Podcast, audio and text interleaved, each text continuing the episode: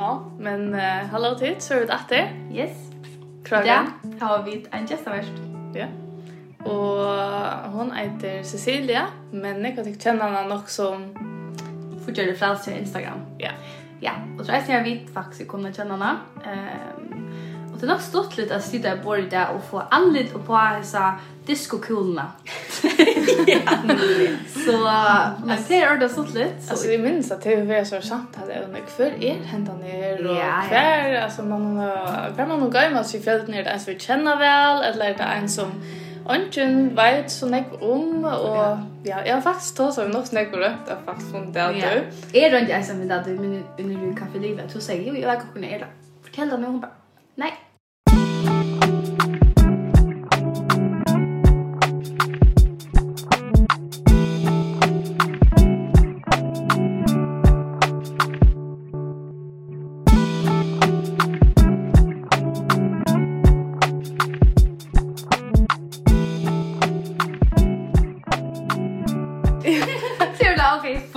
bara boja till navnet som rut. Ja, och jag var inte så fitt att jag kommer också säga att vi är att ni funnit att du. Så Och tar vi så fast det att du är sagt det eller? Nej, faktiskt inte. Men du säger att du arbetar i skolan och för det. Mm. Och så var det ett fält så sjore och så spurte jag så jag inte när jag mer. Jo, alltså vad du kvar ända ner är och det visste jag så väl.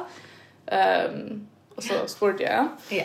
Det som är nere om kvar när jag mer. Det är att man har avslöja att det är Jesus. De visste det. Visste det var du. Ja, det är det. Är det nästa man får ni där då, det? Ja, altså, jeg husker at det er bare en spørning om tog, og av grunnen til at jeg er dolnevnt, eller var dolnevnt, det var mest tog at jeg, ja, jeg var bare ikke for det, hvordan måte kan for å være. Og at, at utlevere meg selv var 100%, det, det kravte jeg eisne at jeg, ja, bare ta at jeg ikke skulle sitte navnet, og eisne ikke utsette mannen som er familien og alt det der. Hva sier han til det? Jeg vet ikke, han han var sen skeptisk och alltid i början men men också be ju att ha hur är en extremt över att att snacka mm. om eh en buskap och för jag vill skifta så ja kvist. Och hur är be två öl och på omkring ja, ja. pengar och ja. Ja, mega cool är det kost tid fokusera på att få skuld ner faktiskt skjuta in man pjövist. Ja, det man skilda, det går väl att det är syntesis. Man vet ju ordentligt att Ångsvegna så är det ett något så så hemligt och så öle hemmen alltid så öle hemmen. Ja, ungen tåsar bara mig och uppe om sina fotjärstöre och till annars näka som vi öll hava. Öll hava en fotjärstöre. Öll skulle ta stöve till sina egna pengar. Öll. Men kvi är det så tabu i skilt i kyrkan. Att som jag hade till hur vi ofta kom vi. Jag går så för det ganska. Vi omkring ska som jag med. Til til at det är ordentligt lov i det här. jeg jag var skatt, jeg har ikke råd eller hod til å bruke penger på for kafé i det. skulle vi bjøre en kaffe man hjemme. Tror jeg at jeg hadde ofte, när man sier, hvis man inte råd så også for att så eier du unga penger. Men det er du, ikke, du måste ha pengar till livet. Va? Mm Så du kan ikke bare si, åh men så lever vi det alla en i enda av mannen du du skal faktisk jalta til mat, og til blæver, eller whatever du skal ha. Ja. Jag håller man nu så alltså mega nek gott akkurat og jeg selv føler at jag har för mig och nekv, og nekv mer liksom av och i kvart i vår brus med pengar på. Så mega gott. Vi är mega stolta att ha det vid det. Ja. Vi faktiskt kan ta det till att uh, Christian har gjort en krok som heter, han har gått en liten sticky note som heter Paruisa. Och här han fyllt ju tunnare, um, tunn schema. Vi har såna här tutsch kronor vikna och så växer det. Ja, men det är ju inte mycket schema. Det var Nej, jag vet inte. Det var Siversen som lyckas som ledde ut där första antag hon har lånat från Female Invest. Ja. Okej, okay, så är fick du ut och jag bara kopierat det. Okej, ja. Men alliga vi har så just det så krokna då att för det går liksom mer då att vi vet att på på i oktober. Så bara som man har liksom där pengar vi och är så nog stolt att att göra det. Så ja. Ja, och är snett att man helt pengarna och i handen och kör det och en krocka och man ser att krockan fittlöst eh stövot. Det det motivera. Jag tror det ska man ja det är det nämligen och hands on och det motivera en till blå bli vi. Istället för att öll tölen är bara inne i en tälte och en någon banka. Det är så overlåt. Det är faktiskt man distanserar sig från det sånt där. Mhm. Är det nämligen som vi oss kan eh kapinchen. Jag har så gott nog att näpa kan Men det är en konto som står noll så var det så här haha Så nu är hon uppe, jag vet inte vad det kommer på 130 eller så. Mm. Jag var sån så här, oh, till januari. Så flyttade jag först tutje. Mm. Och så 20 så var jag så här, nej, 100. Ja. Så liksom, rönte, liksom, jag får inte täcka att det styr för styr, men jag får hoppa som på mittlen. Jag vill att jag gjort det alltså tjej fram. Så nu är ju gud och tjej veckor till då ett. Det är ju nämligen läst. Ja, det är det blir väl lösande för, ja, ja, sådana. Ja. Till, men jag vill lycka, ta oss inte om att det är vi skuld att det Ja. Du säger det är spännande att att och skolorna tjottare än nejot. Mm -hmm. Det var en vinkunna som är som säger nämligen vem jag. Men kvui? Kvui? brukar du pengarna på att jalta skuldnivå. Kvui bara brukar där till höga där och så betalar du det vanliga beloppet som är. Mm. Och det har jag faktiskt också om och jag googlar och jag rönt att som okej, okay, kvui ger det här? Kvui är det här ordla viktigt? Kvui är det gott? Kvui ska jag reklamera vi att gå folk jalta skulden nio tjottare eller bruka sin drejka på att jalta skulden nio. Mm Men faktiskt är det bara mentalt. Ja. Det är ju släpper av stress. Mm. Eh och jag också ordla nog om att fortsätta fralse hur ölla nog vi sallar lot fralse ger dig. Det hänger ordla nog sen. Hick på ett luxfälle. Det bästa är att du ska salla och tänk ju kompensera vi köpa så ting som du kör all. Ja, alltså det är mycket guilty pleasure i mind. If I that better vi att hitta efter hur så vanlig om nu är det och just nu och just nu också det jag har ordla alltså jag har ordla sjukt ja. Men det jag spär med alltså Sean det får en go för fair men det får så okej jag har väl lukat sin stor pata. Eh och så det jag det jag smär halt att det går gångna men det också är sen Johanna det vi fortsätter en fralse hur så ser fortsätter fralse ut för det alltså är det bara det att inte ha någon skuld? Eller er det at du eisne penger at du kan bare lepa sted til Bahamas der du vil? Ja. Fortjens fralse, det er alltid, det er ikke noe endelig definisjon på hva fortjens fralse er, det er individuelt. Mm -hmm. Men for åkon handlar det i fall om at, at ikke skulle huksa om penger alle tog.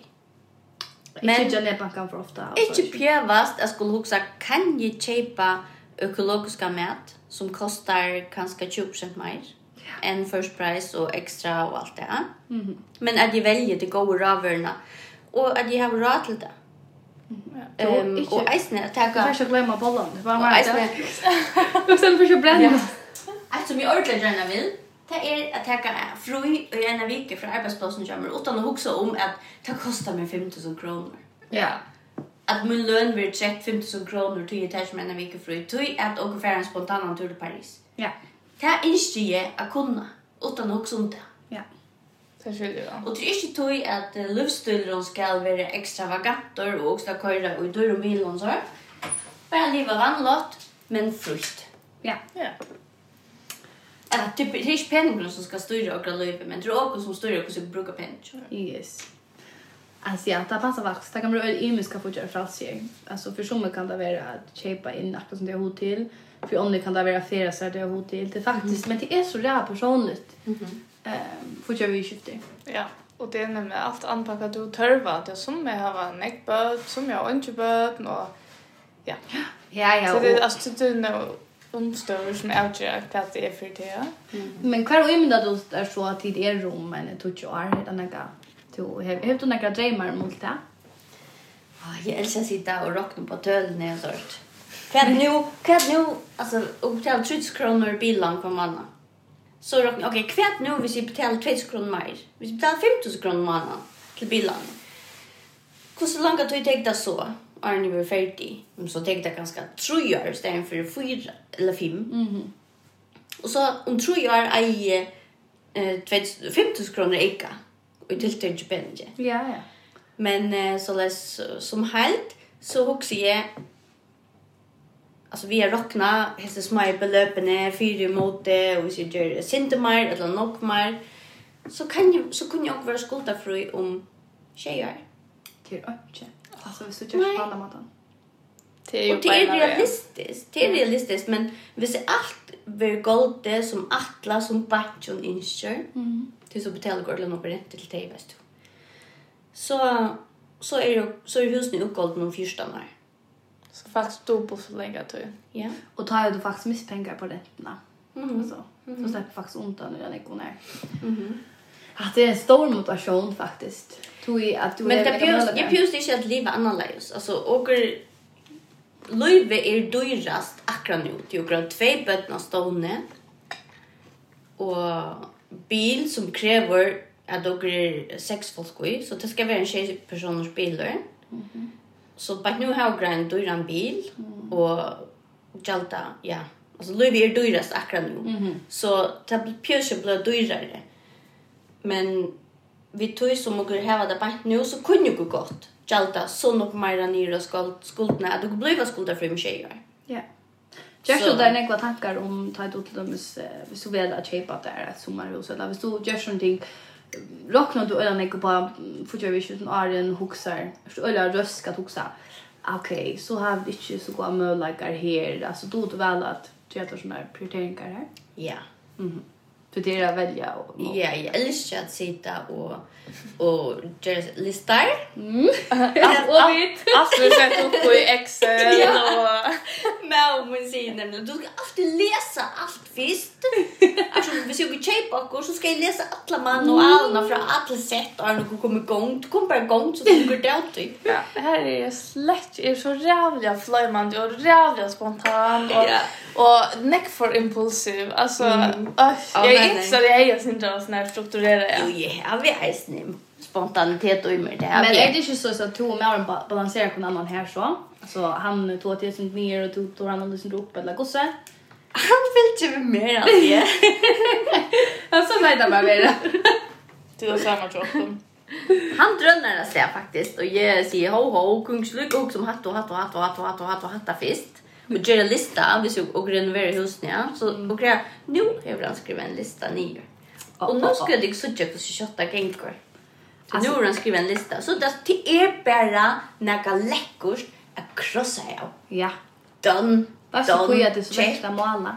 Det tror att du sørst så eller kött ehm eh, man brøyting. Da ser man vidt att du krossar av. och jag vet att Leila, jag har tog som heter att att uh, men jag tar inte spurte att du kan stjärna och kan lista? Vad det brukar och filja men han var ja det kan det gå men det tror jag det är det alltså är det också så är alla till gångt och jag har något såna krut i revne så tar vi till hemma så ger jag alla till åkurs och han är sån med så han tar han väl att slappa av på bända hackst och ta han hemma så han hemma och här är det släkt så jag kan inte fast alla du efter någon kom nu kom nu kom göra det. Hjälp mer och kan du för göra det och ska du göra något alltså alla du efter någon och så är de vad kan du bara skriva med en lista så ska nog ordna det. Fakt det gör jag så vi skriver med en sån lista och han så krossar han oss först det råkar jag nekva nekva dam som är yngst att mer och bämma listan. Mm -hmm. Så jag ska på där igång då. Akkurat. Men man får så synd att jag gick alltså nå och pryka och to eh när mötte man någon så där eller ja, gos möttes det en gång. Ehm ja, så jag är uppvuxen att före det och här känner man ödl och jag har alltid känt han. Mm. Men eh, det var ju för en jag var vad var det? Snart 2013. Mm. Ta var jag och BG enlig forelder. Mm. Og så snakker jeg sin sammen. Og tog jo kjent oss til forvevna. Og jeg visste at han var blivet ensam at lør vi dødsøyne, og jeg var ensam at sånn søyne, og så var det så, ja, hvordan gonger og sånt. Og så ble jeg gå. Og jeg bor nere ta, og han bor fyrjan. Mm -hmm. Men eh, det gikk, det var long distance igjen, tve år, og så. Så vet man, så hadde du testet hvordan man, mm -hmm. du vet det. Mm -hmm. Mm -hmm och så vet jag att uh, inte så just jaunan eller så? Ja, oh, jag vet inte. Reaktion där man har tar man är ensam att vara en badne så flyter ju bara. Man är ju stor, jag lyckas väl. Mm.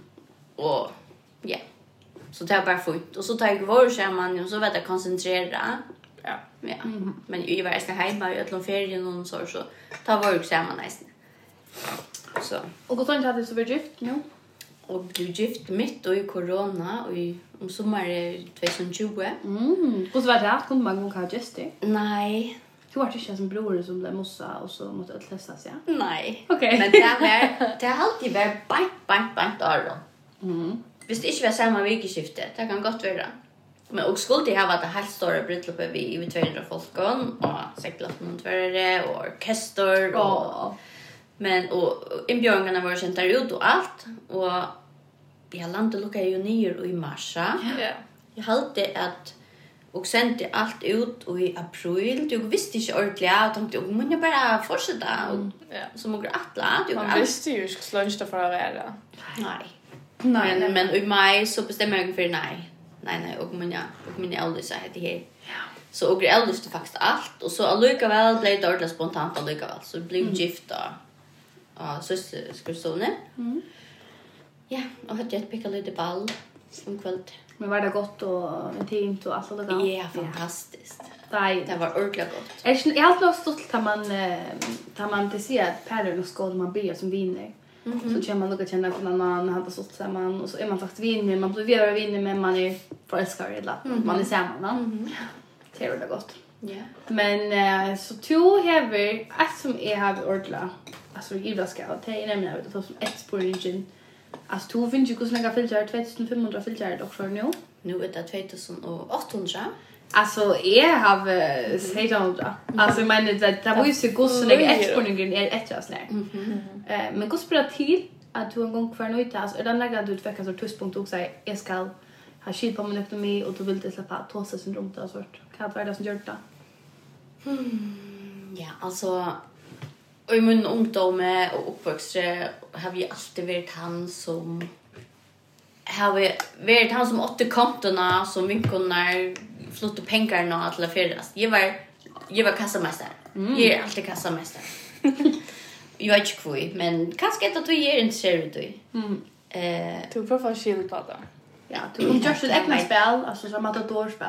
Ja, så kan vi. Bara sagt, bara under en det en ung kvar. Men Men på ett tidspunkt då i alltså nu var jag flott hem och jag hej finns jag en man och ett hus och bil och nu har jag fyra barn och tänkte att man kommer större på det och om jag har tryckingarna på plats och men jag var jag vill gärna hvis jeg heter ikke gengur til man vet alt sånn mm. la dem bare syrja for alt i ordan i gåen tøyen mm. jeg må eie huset jeg må eie i øtlån som må eie i mm -hmm bare for jeg trykker meg selv og mine bød. Nämligen. Um, og, og ta i så fjorda battene være ved. Ta, ta skulle jeg jo nyr i løn til jeg fikk barsespenning. Mm -hmm. Så måtte jeg lycka räkna, okej, okay, vad får jag så utgått det? Ja? Og jeg fikk så, my, så nok minne utgått det at jeg får ikke hänga sammen. Og ta också jag bara, okej, okay, nu måste jag finna det. För så kapitalluckor. Kapitalluckor mannen, jag är släckig ett till lite vi kvar förut. Alltså dyra trickingar så kött kött är det som åker tricka i för det. Mhm. I första hand tänkte jag också tricka allt. Allt ska trickas. Man kan eisen ju tricka sig. Så just på nek. Och så får kom jag här till att okej, vad är det egentligen jag har tricka? Och pjösen tricka och hitta plott som är sån plastik. och pjösen att tricka markiserna för FK för 30 kronor. alltså Okej, okay, ja, så du fick ordna sånt. alltså hallå. Ja. Ja. Jeg, jeg sitter og hukser. Jeg må downgrade det. Jeg må fra hitjes, men tror ikke, hva betaler jeg? Jeg vet akkurat hva nå jeg så jeg vet ordentlig hva du er stod, jeg vet akkurat til tus. Oh my god, her nikk papirer og tryttingar, jeg følte ordentlig sånn, at mamma, åh, hva er dette? Rett at jeg er av vaksina, og så fikk man helt det kom til å Alltså kan jag allt han halda konto? Jag kan inte. Och du också kan inte den halda konto. Till så illa någon som skriver till men ja och kräver en futja konto. Jag kan inte det. Futja konto och halda konto tillsammans. Ja, och vad är en futja konto? Ett t-shirt konto här som fastar utrustning för ut. Jo, ja. men till näck fast som lever för rockning rockning så är det ordat dort i ta halva art vart vi skatterna så är det då att köra fast och rocknar utrustningar på 12 månader och just ett medelbelöp om månaden och så betalar du gott av utskott. -hmm. Det er nekk fast som ikke jobber på tammaten. Og jeg har helst ikke jobber på tammaten. Ok, jeg har alltid øyne unge har skilt på min, for ikke jeg vil skifte til tøy. Det har vi vært nødt til. Hvor er det du det? Jeg har alltid økt skulle jeg ha skilt på sin, for jeg vil skifte alt. Ja, men det er ordentlig godt, men det er aller flest som vindføstene av min aldre. Det har var ikke. Det er jo på henne maten. Å, men jeg kjøper så blåsen og kjøpte med unge penger her og nægge. Selv det fløsker for jeg kjøper sigaretter. Ja, det fleste har unge oppsperring, og vi tar faktisk hva för att det skulle spara upp till. Men alltså men men jag har alltid spelat att mankla som jag vet han och han öts någon och det manglar när man lär om för vi skifter från föräldrar men isen synter och student och och alltså vinnan. Eh och kanske synter faktiskt kan isen. Eh bara för att vi har synt bevisst hej jag vet att synte mer så är ju brukt alla uppspärringar som vi fick från mamma pappa till varandra. Mhm. Alltså det är så det här alltså. Ja, det är ju också om det här vi badna oppsparing om. Du tar måtte jeg eisne. Du tar gjerne et vaks som folk. Det er badna oppsparing til bøtten kjasser. Så åker av fyra badna oppsparing, 130 kroner per måned til 600 kroner per måned til badna oppsparing. Og så har jeg hukset til kvælt. Til kvælt. Så fotta av det ble Til at fotta av til lort, da det ble artja. Vi skulle gått med bruka det på... Alltså jag har inte mamma betalt i hälften av min korvkorsar. Nemlig. Det var bra röja. Mhm. Jag skulle man inte ta slå. Annars fick man inte kvar. Men det har hon försvann inte det inte det mera. Och så hade jag betalt hela hälften ehm av kvarkorsen. Så min barn men vi var fem bud. Så det var inte tydligt det var 20 000 av mina kort. Jag hade ju fick en 12000 kronor eller också rätt. Tror jag att ja, vi var snitt bud och sånt och så men det här brukte jag faktiskt så på att Men det är bötterna som är ordentligt stora uppspängar. Ofta också att ah, det är mycket pengar för att bruka det på orcher istället för att gå hem och kaska till hus. Ena ser ett åkort där. Alltså, jag huxar nämligen, ett gott nog vid av eisen badnumspengar, men jag huxar, kan man inte locka där till 25? Men det här är så gott ju. Det huxar jag gärna. Jag är väl 25 nu också, det är fint att finnas det nu. Jag inte vill ha att det var 21, jag inte vill ha att det var 18, 25. Så nu är det kommit till att ställa löven här, blir huxar med hus och hem och allt det. Så då huxar jag också ganska locka där att till där 25, och så gjør de att ta. Jag halte det er 18, 21, 25. Ja. Jag vet inte om 21 er mars men du kan pröva vita. vite. Annars är det veldig genialt att skåpe. Det husker jeg, men jag vet att som jeg ønsker at jeg ta i bötten så enten att jeg köpa hus, at jeg giftes, at dere så spytter for alle sine halvtrøst hos nå. Nemlig. Det er så som jeg også nemlig at det er nok bedre husgått enn jeg bare gjør dem en klatt av penger som det bare kunne fyre av, som ikke vil huske om förnuftigt. Nu då var jag inte framme vid det hos man att vi måste ta oss av vi bara nu jag om för att få ju leva i köttet. Kus är det några studier nu vet inte hur ska man bara inte äldre bara nu så det är men kus lär du bara nu jag här om eh ja, future vi köttet. Ja, den äldre är 11 år och han har alltid varit så öjliga bevisst om om sin pengar. Dottern Jan, Jaman Jamir, hon är eisen 11 Og det er så imisk og det er så stort lott. Det er så stort lott ekle, at det får en hundra kronor past och bygga bättre i FK. Så det är nok så naturligt har sendt det i FK at köpa et eller annet för gång och så kunne jeg det också köpa også selv, ja. Mm. jeg synes ikke mentaliteten chat hem bara hon hur imskra er, vi tjänar pengar. Den ena hon fick hon fick 100 kronor i handen och köpte Ja, jag vet inte vad det var 20 fidget spinners på ett tidspunkt. Nej. Du fidget spinners, det var cool. Mm -hmm. Så ska man eja 200. Mm -hmm. Han som är mest. Och vad ska man bruka det till? Alltså är det ändå inte gott nog? Mm -hmm. No, men okej. Att du finns ju hundra konsel, brukar han det som du vill. Så vet du lyckas som, okej, har du utgångstid. Mm. Här som, ja, Jonas, äldre, eller sonen som är, han, han är, han också om. Han köper ganska en, pack av holes för 12 kronor. Då jag här är det 25 drops i. Mm. Så han lyser sin mamma sina. Han också har om vad hur han får mest för pengarna. Ja. Och det coola lugga alltså jag så imst det är det. Och det är så imst man är vi såna pengar. Ja. Men eh, jag har nämligen ett ting som alltså är föls trots som att det du säger Leila. Lärarskolan så alltså allt som jag har lagt som pengar har jag faktiskt lagt från mamma. Mm Ja. Så och låg nog inte snack från pappa min, men det är öliga. Och mamma min hur hon kan du alltså hon brukar lägga pengar. Hon kan mat det. Oh nej, nej nej, det blir lunch. Nej nej.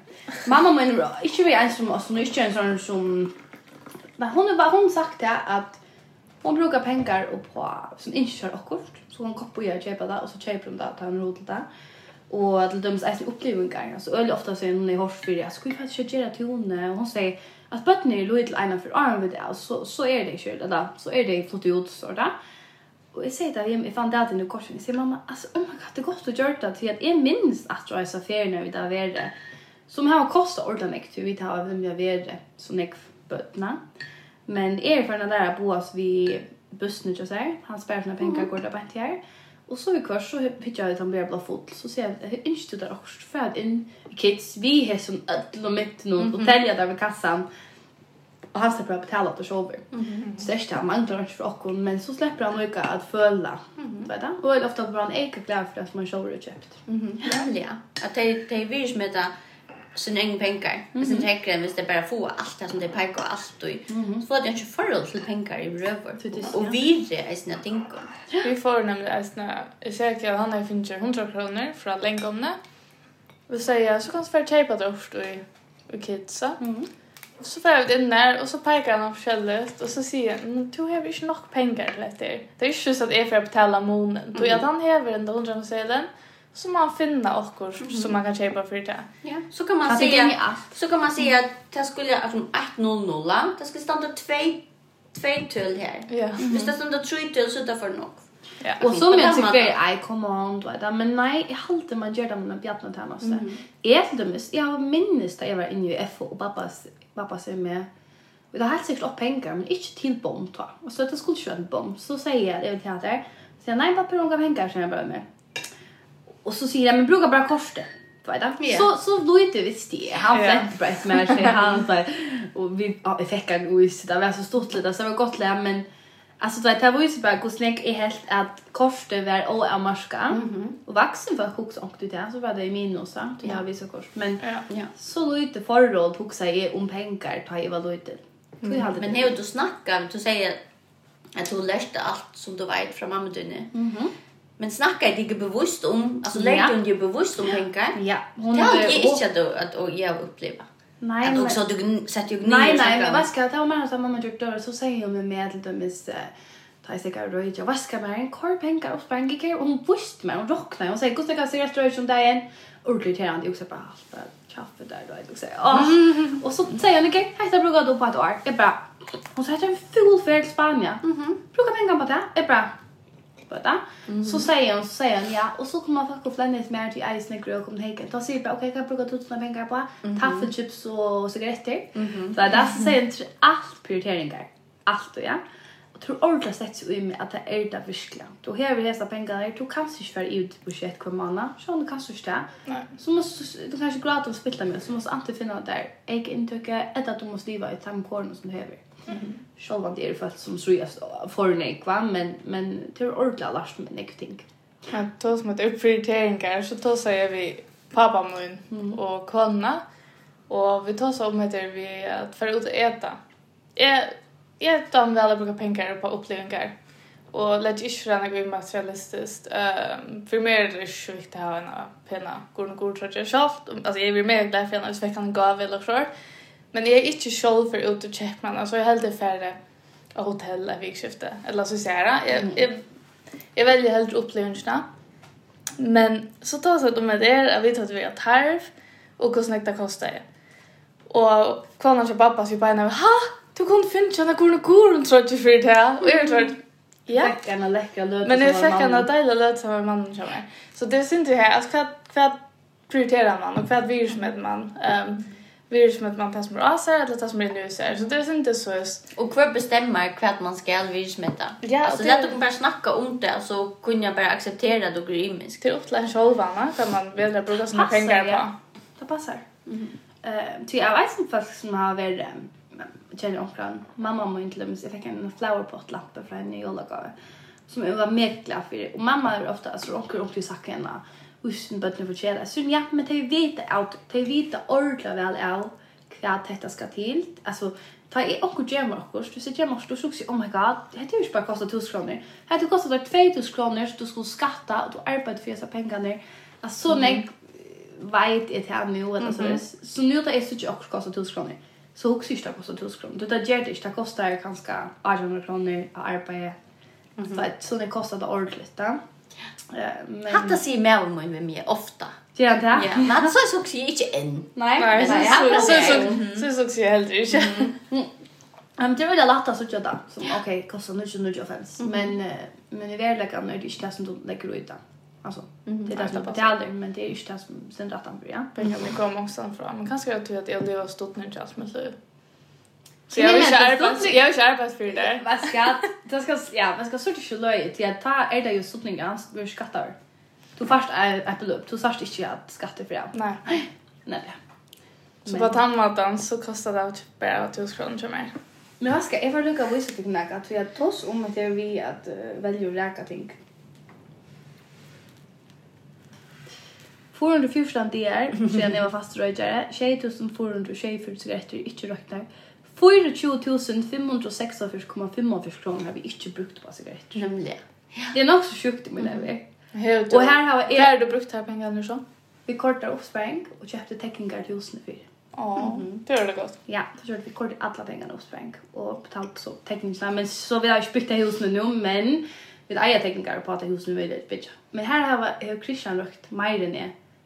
Så jeg heter jeg, men ikke mer. Og så er det til. Jeg elsker det ikke alltså men det är faktiskt det där.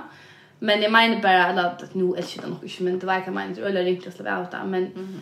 men till ordla finns med huxa ganska om några ting att okej okay, ta du väl och och fra väl då för annat. Mm -hmm. Du vet det? Nämligen. Tar man alltid som man fattar till att du har alltid något väl och så mm -hmm. och som det känns optimal så har du möjligheter att välja och räka vad du vill. Ja. Mm -hmm.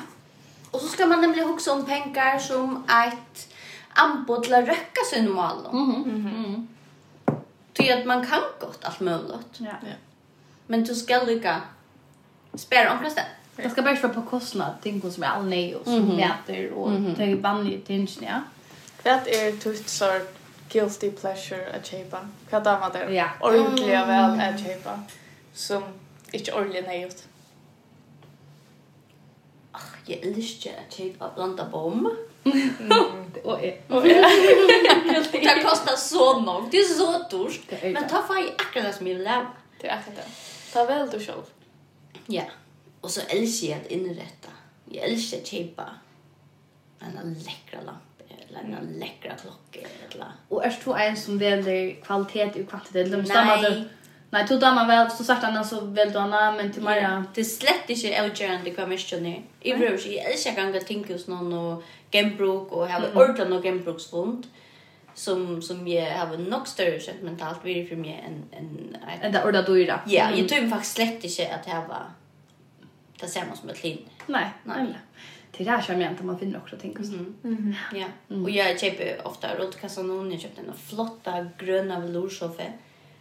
Ehm. Är det mest till att komma in och jackan så där eller farmor ut. Och boxen så här, oh, det är fresh. Ja, okej, jag har a confession to make.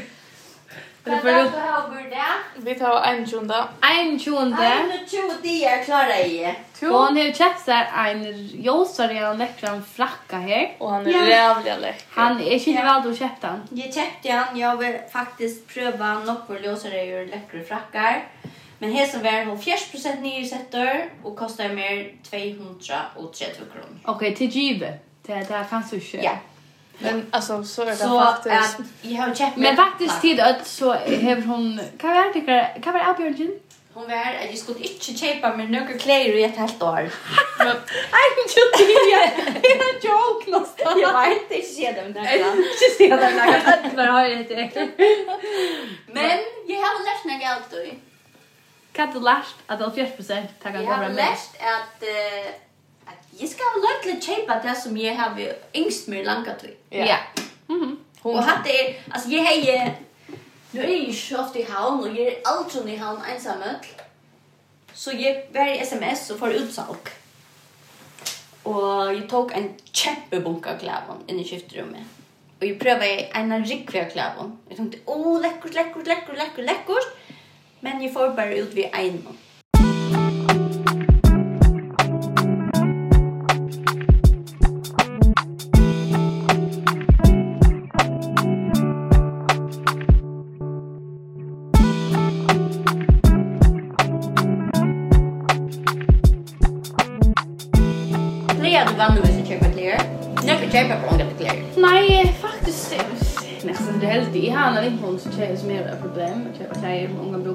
så gjør med det. Så altså, hon er så stor så som jag hade fikk, og men det har sånt det som det tid. Jeg har allvarligt försökt mig själv at tog at det senaste året det handlar ju om att för att bygga en hus Ja. Og det ble jeg synte så läs. Alltså grunden till att vi ikke har valgt å bygge en hus for meg under til simpelthen tog Jeg halte selv at jeg er for ung å sette meg i lån på 4,5 millioner til jeg er 22 år og jeg vil ha en oppbyggving. Yeah. Jeg vil bare lese. Jeg orker ikke å bli en huset som kvørsa av tog eller ratla liv i, og at genga økonomisk fordi det er stressa. Mm -hmm. Så vi har faktisk kjøpt en boilig gammel hus tog at, altså jeg betalte min ekna lomma, jeg vet ikke om jeg blir hver for jeg Jeg trivs ordentlig vel, men, men at jeg nok ikke tar steg jeg kommer jeg livet inntil bøttene og flytte utsort. Jeg råkken vi at så ta i ena för några år. Ta ett att lycka fyra. Jag vi så för bitch och hus. Utan att ha varit så vi var fortsatt desperat. Mm -hmm. Till atten så kunde jag valta livet i en borg som var mega läcker, få äta klass eller där. Men hej hon kan inte kunna läsa klass med vilte. Det här tömde jag inte Right. Så då måste jag välja livet. Men att börja, att börja smått är ju en nämnlös. Mm -hmm. Att köpa och bo i lott, du tar växer vidare, så säljer du det för mig och du Ja. För en vinning och ska bruka täs på ett ui. Ja, och om inte det att det inte är mer överstånd så har vi gått så betalt nere på något att att om det så kostar akkurat det samma ta så får jag ta pengarna som jag har betalt i lommarna. Till akkurat det. Och ta äger kanske egen funktion till kan det ännu hotläsen ta. Vi vi om också när det är såna chepa hus när här som vi bygger nu. Ehm det är ganska inte akkurat det som vi tog så att bygga för i allt livet. Det kan gott vara att ända vi har varit här. Men jag spelar bara att äga kurs som är vi och kunna sälja det åter. Det alltså så äger du pening och skäckna. Mm. Så tog ju om också det sen chepa. Jag hade det mega viktigt att um, faktiskt är mamma men också gentla vid chapter Susan till att ta och jag och Christian kom samman så åt han hemma och i början åt han kör Lena. För det åtta till skramla mannen. Samma vi vinkon så här. Eh och jag bor i chatlaren till mamma för 2500 kronor. Og det er så viktig så litt til å deilig nødt ut på men 30 kvadrat. Reale litt. Perfekt til meg og boas. Og da er så folk sier, ok, altså nå fredag vi kommer litt ut, skal vi ikke bare litt inn her, deilig enn ikke plås, men 8 kroner mamma. Da sier mamma, nei, for å, kan ikke jeg lort da? Bygg ordentlig smått og lyde og bli svøk av du, men du vet, kom på at lokken og du vet, så du lukker stretja beinet, og hvorfor pengene er suyes. Og begynner nok sier, ah, du er med det her, jeg gjør det da. Og jeg har ånga du veri her i verden, hvis jeg ikke lort etter den ta. Så jeg lever en øybo, kanskje tutsi år, ånga du kom ut om mitt ekna. I stedet for lykka at offra sjån og bygge mega lute. Mm -hmm. Og så faktisk komme her som jeg vil til sjåta, ja. Mm -hmm. Ja, nemlig, ja. Mm -hmm. at, at bliva, eller at spela saman og, og, og få et sin pengen i kassan, det er det, du kan ikke bare leva luksus og gjøre det. Nei. Du må velge. Du må taka en og tog. Og her er også nemlig jeg som sagt, hetta året. Hetta året fer eg all in at betala alt sum okur eiga at livors nýr. Mhm. Og til just at okur betalt dobbelt. Ja, det er coolt. Det er jävla coolt. Det är näcker pengar. Men jag är sjuk i tummen blir vi. Nej, men det är helt sjukt. Det är sträve. Ja. Och vad ska det är man kan stäcka det som pjävstönt du köper vi. Alltså. Nej, men och träcka det. Det är en god erfaring. Virkelig god erfaring. Så kan man göra det här av Ta du føler den ska nu ha vi hotat lite så görs det där. Men annars så kör det allt fast och lukker alla. Mm. Ja, jag tror också jeg har en sak alltså alltså om det är tjej eller åtta eller något år, mm. det må vara synd mycket. mye. Men, men det er rett og att jag vet at, att okej, jag kan faktisk gott lägga. nek mer så hvis jeg vill men bara nu har vi jo till att leva sint mer luxuriöst. Mm. Ettla fera som har bött någon eller avkorsa. Men ta och ju begynte, ta, ta, ta visste ju inte om det bär till. Eller ta mer till sojus. Ta och säga, oh, ska jag pröva att uh, spara 20 000 kronor samman på ett år? Det tog två månader så är det 20 000. Bara tog att jag sätter mig där som mål. Ja. Mm -hmm. Och jag hang det på pojor på vetchen som jag sa att la tog. Att det är så gott, alltså det, jag menar, här, är det... Det dickar bara. Jag kan inte säga det att... Uh, alltså jag tror det är chockerande. Här står att har 40 av folket geva sig under utöslig mål. Och 70 av folket som faktiskt gör det, men skriver det ner. Nej, vi har 70 större chans för att det kommer upp. Tog att du skriver akkurat ner så är det inte bara i hötten, men det är något utösligt och nöjligt att skriva det ner. Och kanske är det en avminning ta i hötte för ärstan, ja. Mm -hmm. Och menar det. Alltså impulserna och och behoven som man vill nökta och så. Mm -hmm. Men den den avminningen åh nej, halt det åter. Ja. Ja ja. Ja. Jag har alltid Jasper räddar att sätta sig när jag bjöd. Mm. Och fortälja på nörda. Alltså vi du bara in i Instagram. Ja, hvis du bara in i en hötte. Så det så nätt att jag gott det. Ja, gott det ska ta. Men mm. hvis du fortäller det för familje eller vippfästje eller Instagram mm. eh, så är man inte bunden till att hålla det. Mm. Ja, och jag syns ganska, hvis man sätter det, hvis man fjärdar till att det är inte som inte samarbryr om men man ser du ska kappas mot dig själv. Mm. Alltså är vill Jeg er min største fiende, men jeg er min største stål. Altså, dømes hvis jeg skal være venning, så er det jeg mot meg. Mm at og du orkar inte men du vil gjerne hitta du vill bara bättre fire, du vil att som i halt et ting som är i alle tog, selv om det ringt det man också öl ofta her nå, at minnes til om några år eller om en av tog, blir nu vi ikke bare sånn her nu men sånn, hver kan du komme vi at kvön det ger och du sier for det extremt ja. Och du kan gott visualisera eh touchar fram. Kvad er faktisk den største drømmen? Kvad ønsker du om din hälsa till dem. Ja. Kan det ta optimala. Men hur så hur så ska du eh skära det ner i små bitar. Mm. Okej, okay, om fem år kanske så kommer om ett år. Ja. Alltså för det ger det inte mer realistiskt. Mm. Och ja. Så att du kan klara det. Men alla dina här eja och visionerna. Mhm. Ja. Oh my god. Det är ordla, vi det ordla. Inspiration i det. Ja. Välkommen till motivation. Jag har ordla. Och vad så kvärt. Ja, Ja, det handlar om vänner alltså. Allt är vänner. Och hookbor. Ja, ja. Jag har alltid, alltså, alltså det fast är bara att bli värre vi, alltså vita sin det mera och mm tog jag att jag har till dem senast när hot något som jag går efter mina förtjärstöv och vad jag kan och inte och allt det där.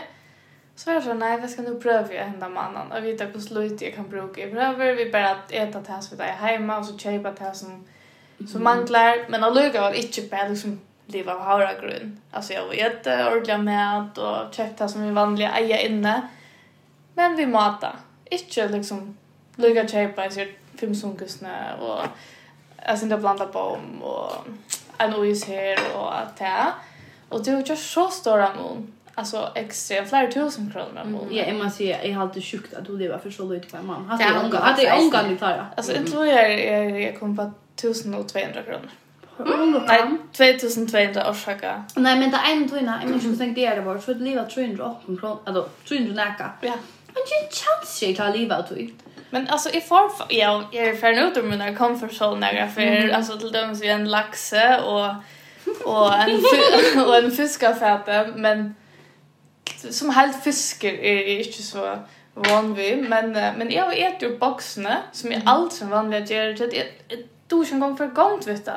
Allt det som ligger och gör. Men det är gott för så lär du med att äta. Det är det som är så lär jag allt möjligt ur processerna om bäge fortjärliga ting. Men ägst nu om liksom, hur så kan jag männa mig innanför det kundjen och annat.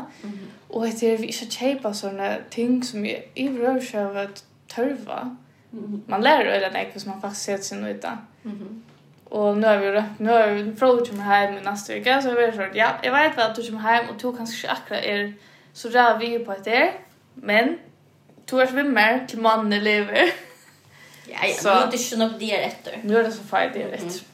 Mm -hmm. Det klarer det. Ja, og jeg har døvret til resten av mannen, så det eneste som du skal kjøpe seg til at det er Onkel mjölkabatje och bröd kanske också nej bröd har vi boxen. Ehm och palle kanske också skört. Så det är Eva, alltså jag klarar mig för under 2500 och mig. Vad är nog minns inte men är det nog först uppe till att jag till mat och bensin eller något så där. Ja, alltså i första det tänkte jag okej, låt oss pröva att sätta 90 kronor av om annan till mat och bensin.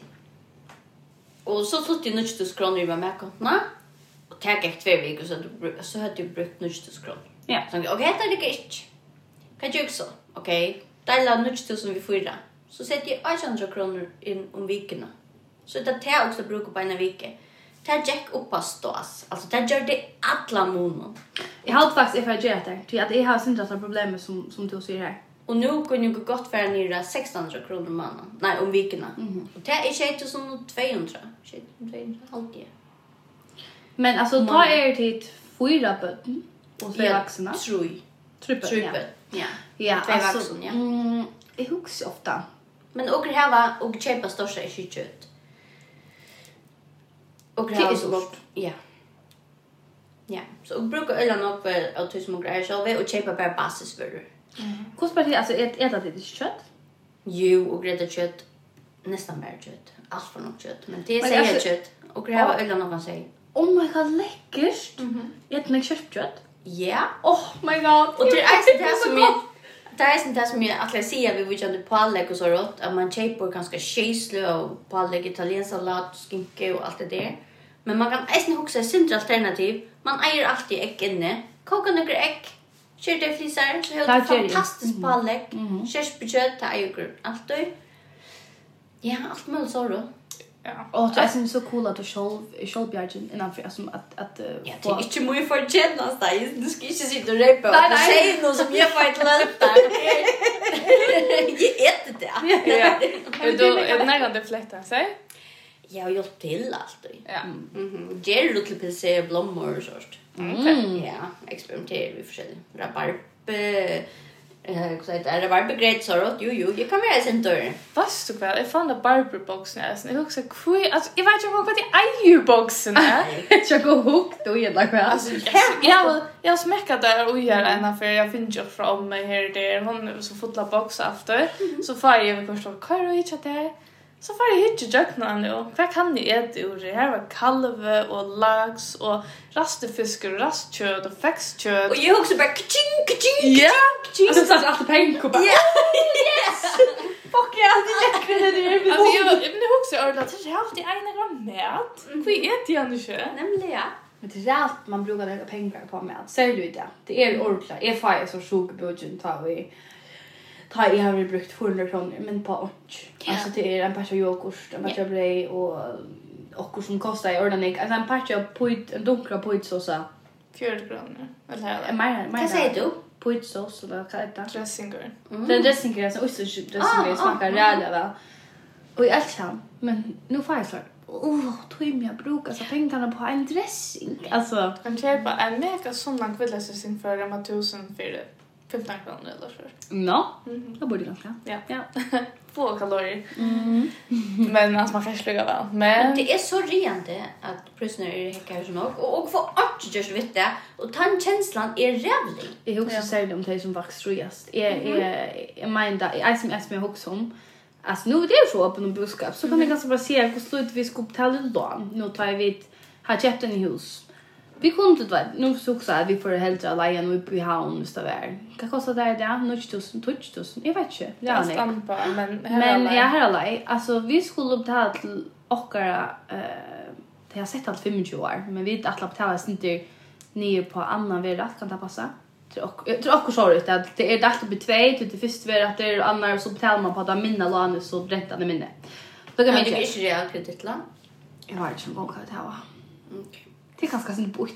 Ser vi en ekonomisk en expert. Det är fast vi luxus för sig att en vanlig kvinna som är intresserad av sin egen framtid. Ja. Nej, alltså har alltid... nu nu har vi kortat en halda konto så sån filter på. Så ska betala lånen nu till nu är de ordla filt vi alla alla lockningar till men där. Vi alltid inte vi vill betala mer än 5500 här som 1500 är rätt stort. Okej. Eller ja, till och jag får kunna komma nå här till till ölla lutia. Ja. Och det är simpelt tog i att för det visste hos nu boile och tog i att jag vet inte. Katt, jag minns ju en gång. Men det var tänkt för rätt så och för på tjejen så. För en stol. Hui? Kassa? Det bara kan det. Det var sikkert i allt ditt land, det är 20 år. Ganska tog. Nej, jag vet inte hur. Jag har alltid det var cirka. Men... Eh, Men vi får så betala sin det mer nyr. Vi tar att det är nog uppåt. Och så vet jag till typ pengar för jag brukar på andra ting till man gör för lägga pengar men hänt när så helt jag köra in Alania. Ja. Men alluga väl så är det pengar till sin Charles. Men i halten när det är vi alla blir dyrare då man man måste bara bli tillvidare om vad brukar man såna pengar på. Och faktiskt lätt sig sen att han alltså heter vi att fara ut och köpa dövra först kväll. Alltså okej okay, kväll det där vet Ska vi köpa för att kan igen det kvar i boxen. Alltså det blir så jävligt dåligt eh att för och köpa in kvante. alltså tog är det mega viktigt vis man så är penningalia. Att lätta sig en atlan för vikna, det då spärrar att flera hundra kronor. Vi har köpt störst en och huxa kan det där rester av snär eller kunde vi kanske det brej och hur ska vi pjös med att dövra först ena så kväll till vikna. Det syns inte så Mm. Vi alternativer. Mm -hmm. Nu så. Nu det är så Det är så stramt. Mm. Helt sikkert. Hur länge är det? Men då som jag helt annat. Helt en några sådana AHA-mål eller hobbies som du liksom gånger på. Mm. Anna än att vara en mega cool influencer. Mhm. Mm jag har akkurat bunt med sig i tröjtjena för första fyr. Kan jag bunt med en tröjtje så att också jag Først før du begynner, og så begynner du en sånn og trøtje. Og så sier onker jeg, sjølvandi, Cecilia gjør så leis. Altså, hun finner akkurat innvikla. Ja, jo, men det er så det går sjølvandi. Du også skal hette unga bra fyrt plei da. Finner du bare oppskrift det? Jeg tror ikke jeg går å lese en oppskrift. Nei, jeg brukte YouTube, det er ikke skitt godt. Annars så, så prøver jeg eisen at gjøre surta i. Mm i lägger det ut på Instagram. Nu får jag pröva till er gå rå att det kicks sig fullständigt. Så det är inte alltid att det räcker, men jag jag ofta begynner jag inte för besvärligt. Ja. Ja. Han ska man ska börja med öronbollen. Ja. Ja. Men jag ska inte intressera mig för badging. Det har jag Det må jeg bare jobbe opp på forhånd. Oh my god, jeg er glad for ikke ensamhet. Jeg har faktisk en liten søv her. Jeg Oavsett jag tror jag fängar det. Jag också jag ska kväll till fyra, bättre i kakna. Så jag hade också morgon etter. Detta var en tog där Maja var som var också grad, gradigt, så henne vikle. Och jag är så färg in i Uppskottsborgen som mamma inte känner mynt. och här kände det var ett 400 gram mel, så. Det minns inte att stå. Det kan min inte. Så färg en i under, i badget en kväll till. Så säger morgon etter till morgonmat. Vet du, morgonmat. Så han säger till mamma, alltså det är det här vet jag. Alltså, det är flormen. Så jag säger kakna. Hon bara, ha? Ja, ja, alltså, jag brukar inte tro att jag backar. Jag ska helst veta. Han bara, kan jag olika sitt, jo? Jo, jo, ja, men inte bra. Hur sänder 500 gram melis, det gjorde jag. Hon bara, men en melis på betyder socker. Jag bara, hur säger du det? Hon bara, jag visste inte att du visste det. Så där hända ner kakar som har blivit som betong. Hon kunde brukt att le en krokar och så där. Jag var okej fort på det. Oh okej färdig skontar man om nu klockan 12 morgonen och det kommer från fint. Det tror jag. Så färdig ner efter och häst för så korg så socker, melis och fyllt upp skotne. Så färg jag så ordna dittna allt det jävna och häst timern allt och så tar jag det här som gör så rope i chatten. Vad är de bränd? Mamma, där kunde jag gråta kort då dotter, där står uppskrifterna.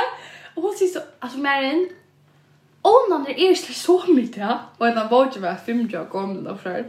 Och jag fick alltså jag så också jag var onkan då i att bäka att det ända så vi att skunta med en god och det kaka att de har som över Google. Men jag menar, jag är till sammansera och bäka och för jag för jag görs en kaka som kicksa så jag har alltid med läpp bort från att bäka. Ja. Alltså jag reste lugga liksom två rejser för att gå och göra och så Ja, alltså jag mer, jag mer den där vi här, alltså kakor och allt det. Där finner du det. Ja. Ta då ju väl. Blatt av fylkan uppskrift, Det rycker alltid och smakar allt väl. Men dövra mäter. Oh my god, alltså ta stantje som ute jag öppnar här och ska verkligen röjna att bjärka mig innan land. Ja Det är akkurat omvänt med alltså. Men alltså, man ser att det är nästan så det går. Det är dövra. Ofta också, vi ger ju inte dövra? Jag när det frågas inte dövra. Så också, kanske att jag skulle pröva det. Mm. Kanske jag mått på det nu. Nej, men jag har, alltså, av och mal, jag har, jag har, ta ett obegränsat av och mal. Jag prövar allt och nog kicksar, men alltså, jag, jag var sån kor alltid. Mm. Så jag var bara og gjør det enn, og hva det politisk er jeg. Ja. De har godt å spille kort og spøl og... Ja. Ja, jeg vet ikke. Hvordan gjør det? Greiv i skinn, og jeg vet ikke. Og jeg finner et drivhus fra mannen og jammer i føringardagsgave, så nå får jeg planta for seg lov.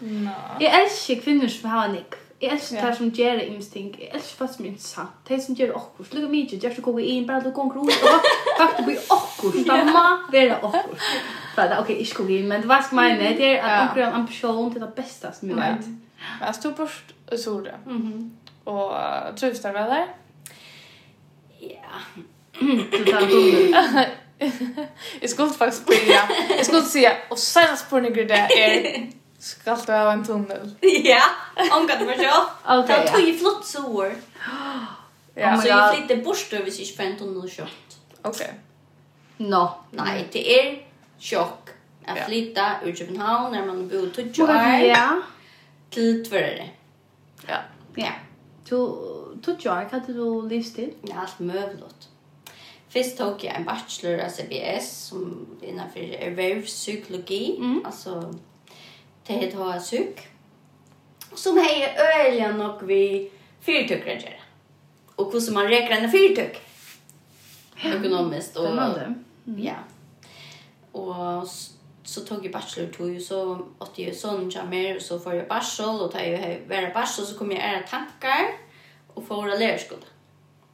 Tar jeg bachelor. Du arbeider for å være lærer, det. Og jeg, ja, jeg lest lærere, og så mye jeg lest lærere, så tok jeg en tveier utbygging som life coach, som er ja, en sånn coach-utbygging. Mm. Um, som är öl som er øyelig relevant for dette. Det er är som nå får jeg lykke som ja, klappa på sig. Ja, nå så ikke jeg ordentlig hvordan jeg kan bruke mot potential. Ja. Ja, och där kan du si at det er at du just ordentlig godt. Ja, det öl och någon vänner så så i rönja lite inte att vinkla det är sin till det att det handlar inte bara om töl men det är handlar det om att bryta ihop bord och ja. Mhm. ja, och tacka arbet för sin egen liv. Hvis du um, kan gjøre et godt råd til omkring som ska be för kylbasen ut med svärkar ska be. Kvad helt du som han personen skulle be vi. Ja. Skal ni göra eller hva skulle det være? Mm. Det allra första? Mm Ja, alltså det är inte en nem uppgåva mot första råd. Det kräver en sin tui. Men jo, det är nej. Det är nej. Alltså att öppna tälterna och finna första januari 2022. Och så bara notera notera allt som man har brukt pengar på. Mm -hmm. Så får man öliga gott i väldigt i vår kvar man är mm -hmm. och kvar prioriteringar man gör sig. Hvis man brukar en miljon på kläder ja, men så vet det kläder du ska spärra. Ja. Hvis du vill också anna än att bara köpa kläder. Det er faktisk så istället du gjort vid luxusvällena. Luka, mm. här görs det här som du bruker ta pengar på. Så det mm. luka kommer få ett chock eller så. Mm Og veldig ofte er det uh, lukta da nesten, at det kanske passar och sådär. Mm -hmm. Mm. Alltså jag blev väldigt överraskad och att jag brukade ju några pengar på att det var tink. Ja. Ja. Tink lose. Ja.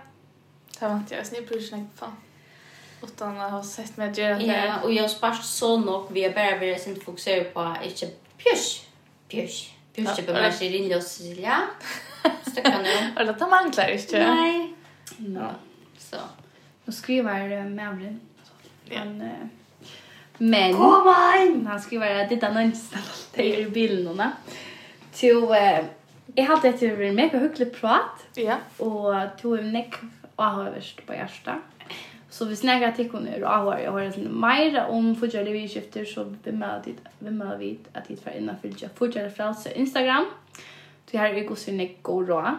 Jag jo leila og och Lars där nick. Och då är det stolt att så kött vi vill lägga någon. Ja, ordentligt. Så ja, og mycket kan klippa prata det borde vara kaffe och annat där istället. Ja, og man vet om kan du om kanskje at du vill vi är när för att det. Mhm. Ehm Fast och när jag kom skinna på. Ja, garva skinn. Men det är också bara fast är så där med Maja en akra kanske det som det är lätt att detta. Och Instagram så tog jag också inte snacka så mycket om akra pengar och ulöver och så men alltså mer om 18 fyra till och tutt tuttlöv.